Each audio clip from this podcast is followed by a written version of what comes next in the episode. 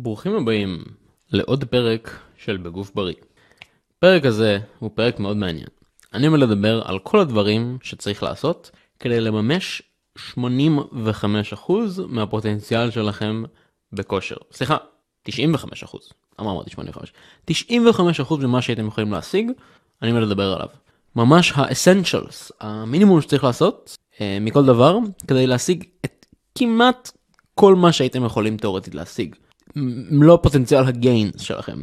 אני מדבר, אני מדבר בתכלס, מה הדברים הבסיסיים שצריך לעשות בעולם הכושר והתזונה, על מנת לקבל את מירב התוצאות מאימונים ומתזונה, ביחס לחוק התשואה הפוחתת, הידוע באנגלית The Law of Diminishing Returns. אני אדבר על הדברים בקטגוריית אימונים, תזונה, תוספים, וכמה אזכורים ששווה לציין. בואו נתחיל.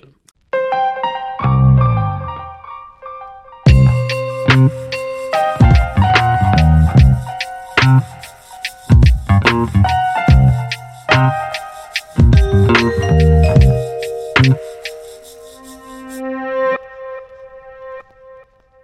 קודם כל, אני אמרתי מקודם, משהו שנקרא חוק התשואה הפוחתת. מה זה? אז הרעיון הוא שככל שנתרום אה, יחידת מאמץ מסוימת, אה, ככל שניתן יותר מאמץ מעבר לנקודה מסוימת, התפוקה שנקבל מאותו מאמץ, התוצאה, אה, תפחת בעצימות שלה. אה, לדוגמה, בן אדם שהולך 6 פעמים בשבוע למכון, והוא מקבל את התוצאות האופטימליות והטובות ביותר שהוא יכול לקבל מאותם 6 פעמים במכון. זה הכי טוב שיכול להשיג. אה, אבל מה אם אני אגיד לכם? שאתם תוכלו לקבל 95% מהתוצאות שהייתם מקבלים מלהתאמן 6 פעמים בשבוע, מלהתאמן 5 פעמים בשבוע. זה אימון אחד פחות, מאוד משמעותי. הרבה זמן שאתם חוסכים, וקיבלתם כמעט את אותה כמות של תוצאות, זה 95% מזה. עכשיו יש בחירה לעשות. האם הסשן הנוסף הזה שווה את ה-5% הנוספים? ו- ומה אם הייתי אומר לכם שלהתאמן 4 פעמים בשבוע יביא לכם 85% מהתוצאות? במה תבחרו? השאלה פה היא בעצם, מה באמת שווה לעשות? אז אם אתה מאזין, פשוט בן אדם רגיל ו- ונורמלי עם יעדים בסך הכל רגילים, אתה רוצה אה, לראות כאילו אתה מתאמן כשאתה בלי חולצה, אה, רגליים מפותחות אבל לא ברמה שזה כאילו מושך תשומת לב, אה, חזה, יד קדמית, ריבוי בטן, כי זה מה שרוב האנשים שמים לב אליהם, בא לך לראות טוב כאילו בחוף, אה, אתה רוצה שאנשים מבוגרים ישאלו אותך, אז איזה ספורט אתה עושה, בחור צעיר? ומראה של מישהו ש... אני אגיד, מראה של מישהו שיכול לעשות מסלול של נינג'ה ישראל בזמן סביר. אפילו אם אין לך שום קמצוץ של קרבה ליכולות הנדרשות בשביל לעשות מסלול כזה. מה שווה לעשות בשביל זה, ועם מה לא כדאי לטרוח, וזה בעצם יהיה די בזבוז של הזמן, והאנרגיה והכסף. אז uh, בשביל להגיד לכם את זה, בשביל לענות על השאלה הזאת של מה שווה ומה לא, אני צריך לעשות פה כמה הנחות יסוד. Uh, אז ההנחות יסוד הן, א', אתם רוצים גוף שנראה שרירי ואתלטי, ב', אין לכם רצון להיות בודי בילדר מקצועי, ג', אין לכם אין סוף זמן חופשי, וד', אתם רוצים את ההחזר הכי טוב על הזמן שאתם מוכנים להשקיע. בואו נדבר על זה. אז בקטגוריית האימונים, בין 4 ל-5 אימוני משקולת בשבוע, אימוני כוח כאילו, אתם יכולים גם לעבוד עם 3 סשנים בשבוע, אבל 4-5 זה יהיה טוב יותר באופן משמעותי, מבחינת מהירות ההתקדמות שלכם. יותר זה לא נחוץ ולרוב זה גם לא יעזור. תוכנית אימונים, תעקבו אחרי תוכנית ותעקבו אחרי הביצועים שלכם בתרגילים השונים. זה דורש מאמץ מאוד מינימלי, זה חוסך כאב ראש, כי אתם עוקבים אחרי התוכנית ואתם יודעים כבר מה אתם עומדים לעשות באימון, וזה מאפשר לכם לדעת איזה ביצועים אתם צריכים לנצח מבחינת משקלים וחזרות. מה אתם צריכים להביס בהשוואה לפעם קודמת, להתגבר. באמת שאין לי מילים לתאר כמה משמעותי זה להתקדמות. אה, לעקוב פשוט אחרי תוכנית ואחרי ביצועים מאשר לא לעקוב. אה, זה באמת שמיים וארץ. אה, חלוקת אימונים, כל חלוקה שהיא לא חלוקת שרירי גוף, כלומר כל עוד אתם לא עושים יום חזה, יום גב, יום ידיים, יום כתפיים וזה, זה יעבוד מעולה. זה יכול להיות full body, זה יכול להיות עליון תחתון, משיכת דחיפה רגליים, whatever. לאמן כל שריר פעמיים בשבוע זה הרבה יותר טוב.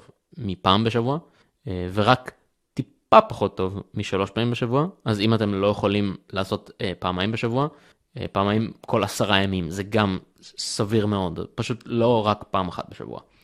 אה, סטים, אז 16 פלוס סטים לכל שריר גדול בשבוע, לאורך שני סשנים באותו שבוע לפחות, כלומר לפחות שני סשנים של שמונה. זה לא בהכרח, מוכ... אתם לא חייבים לחלק את זה ככה, אבל זה פשוט נורא נוח.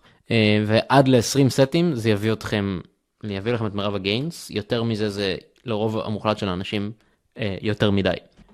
קרבה לכשל, קחו את רוב הסטים האלו כמה חזרות הרחק מכשל, 2, 3, 1, 2, 3, ותגיעו לכשל פעם, פעמיים בשבוע לכל קבוצת שריר.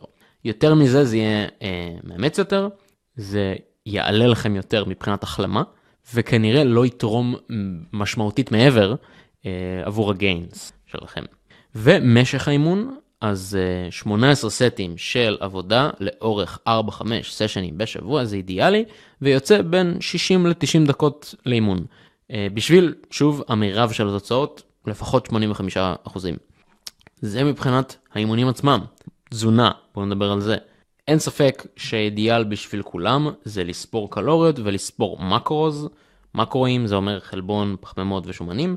אה, במיוחד למי שמנסה לרדת בשומן זה יותר משמעותי. מי שרוצה להתחתב. אה, זה כנראה פחות כדאי למי שמנסה לעלות במשקל, כי זה משמעותית יותר קל פשוט לאכול יותר כקונספט, זה דורש um, הרבה פחות קפדנות, זה הרבה יותר קל לאכול עוד מאשר uh, לשים לב בדיוק כמה אתם מכניסים. Um, תכניסו מנה יפה של חלבון כחלק מארוחת הבוקר, צהריים וערב שלכם. תנסו לשאוף ללפחות 30 גרם חלבון בכל ארוחה, ואיזשהו נשנוש רווי חלבון בתוכו מתישהו במהלך היום. אמ, אל תדאגו לגבי תזמון ארוחות, רוב האנשים אוכלים במרחק ארוחות די זהה ומכניסים ככה חלבון בהפרשים סבירים, אז אין צורך לחשוב על הקונספט הזה של חלוקה שווה לאורך היום. אני אגיד שחלוקה שווה של חלבון לאורך היום זה אכן חשוב, אבל התכלס, מה שהכי משנה זה כמות החלבון והקלוריות בסוף היום, זה מה שהכי משמעותי. אל תשימו שעון לשלוש לפנות בוקר אה, כדי לקום ולהוריד איזה שייק חלבון. בבקשה, אל תעשו את זה. אמ, בין 1 ל-6, בין 1.6 ל-2.2 גרם חלבון פר קילו של משקל גוף. אני כבר אמרתי את זה בעבר ואני חוזר על זה שוב, זה הטווח, זהו, לא מסובך. תוספים, אבקת חלבון וקריאטין אה, וקפאין, אבל אני לא מחשב את זה ממש כתוסף, אה, זה היחידים ששווים את זה בעיניי מבחינת מחיר וההחזר שאתם מקבלים מהם. קריאטין פשוט 5 גרם ביום, אבקת חלבון זה כלי להשלמת חלבון אה, כדי להגיע ליעד היומי שלכם, אם אתם לא מצליחים לעשות את זה מהתזונה הרגילה שלכם, אז אה, משלימים כי זה עוזר. אה, וכל תוספים מעבר לכך, כל תוסף נוסף כנראה לא שווה את זה מבחינת החזר, החזר להוצאה. אולי מולטי ויטמין, אני אגיד שמולטי ויטמין, אפשר עוד לטעון שכן. ובואו נגיד את הציונים לשבח, אה, נקודות שאין להם ממש קטגוריה, אבל עדיין חשוב לציין אותן. אה, התמדה, נאמבר 1 זה הדבר הכי משמעותי בכל העסק הזה. אה, זה כנראה גם הדבר הכי קשה לביצוע מכל הרשימה הזאת, אבל הוא בעל ההשפעה הגדולה ביותר. האקט הפשוט של להגיע לאימון פעם אחר פעם, שזה אומר בעצם לעשות משהו, קטן או גדול ככל שיהיה, כל שבוע לשנים הקרובות. מה שחשוב לזכור זה שהתוצאות מאורח חיים בריא יגיעו בסופו של דבר, והם יגיעו לאורך זמן. זה ייקח זמן, אבל הם יגיעו. אה, אבל אתם יודעים מה רחוק יותר בסופו של דבר? אה, אף פעם לא. אה, זה מתי שרוב האנשים יגיעו לתוצאות שאתם רוצים להגיע אליהם. בדיוק, אף פעם לא. אז זו נקודה מאוד חשובה. עוד נקודה זה מבחר התרגילים, שזה בעל משמעות להתקדמות שלכם לאורך זמן, אבל אם אתם עוקבים אחרי תוכנית שהיא לא פשוט אה, חרא טהור, אז זה משהו שכבר אמור להיות בנוי כחלק ממנה, וכנראה שאין מה לדאוג מזה. אמ, תדעו שאחרי כמה שנים שאתם מתאמנים, להתקדם נהיה קשה ואיטי. אה, חשוב לדעת את זה, חשוב לציין את זה. אה, זה בהחלט מאט בהשוואה להתחלה. ולשמור על ההתקדמות שעשיתם עד אותה נקודה שהגעתם אליה, די קל, לא קשה, דווקא קל. זה לא דורש הרבה מאמץ. ואם אתם רוצים להפסיק להתקדם באיזושהי נקודה מסוימת, אז העבודה שלכם הופכת להיות פשוט לשמר את מה שבניתם, וזו עבודה מאוד מאוד קלה. אתם רק צריכים לא לאבד את זה. אמ, כל עוד אתם מזיזים מזיזים קצת משקל במרחב החופשי של העולם כמה פעמים בשבוע ושומרים על כמות חלבון יחסית גבוהה, זה כל מה שאתם צריכים כדי לשמור על זה. אז בפרק הזה דיברתי בעשר דקות על כל מה שצריך לדעת כדי לעשות את, את הגיינס האולטימטיביים, כמעט האולטימטיביים, את מרב הגיינס של החיים שלכם, בפאקינג עשר דקות.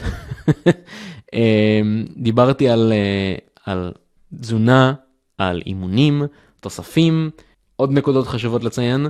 אה, אם תעשו את כל זה, אתם באופן אה, אובייקטיבי תראו פשוט חולניים על חוף הים. תצטטו אותי, את ה... תצטטו אותי על המילה הזאת, תשאלו את, את אליעזר בן יהודה, הוא יאשר את המלל, אתם תראו חולניים, ואנשים שיראו אתכם יתפעלו מכם, אין, אין בזה ספק. אתם תבלטו מעל אנשים אחרים ללא עוררין כאנשים שנראים טוב ודואגים לעצמם ולגוף שלהם.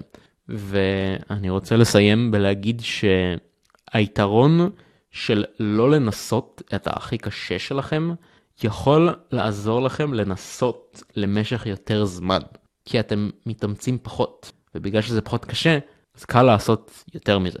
נקודה ששווה לחשוב עליה. מקווה שלמדתם משהו חדש.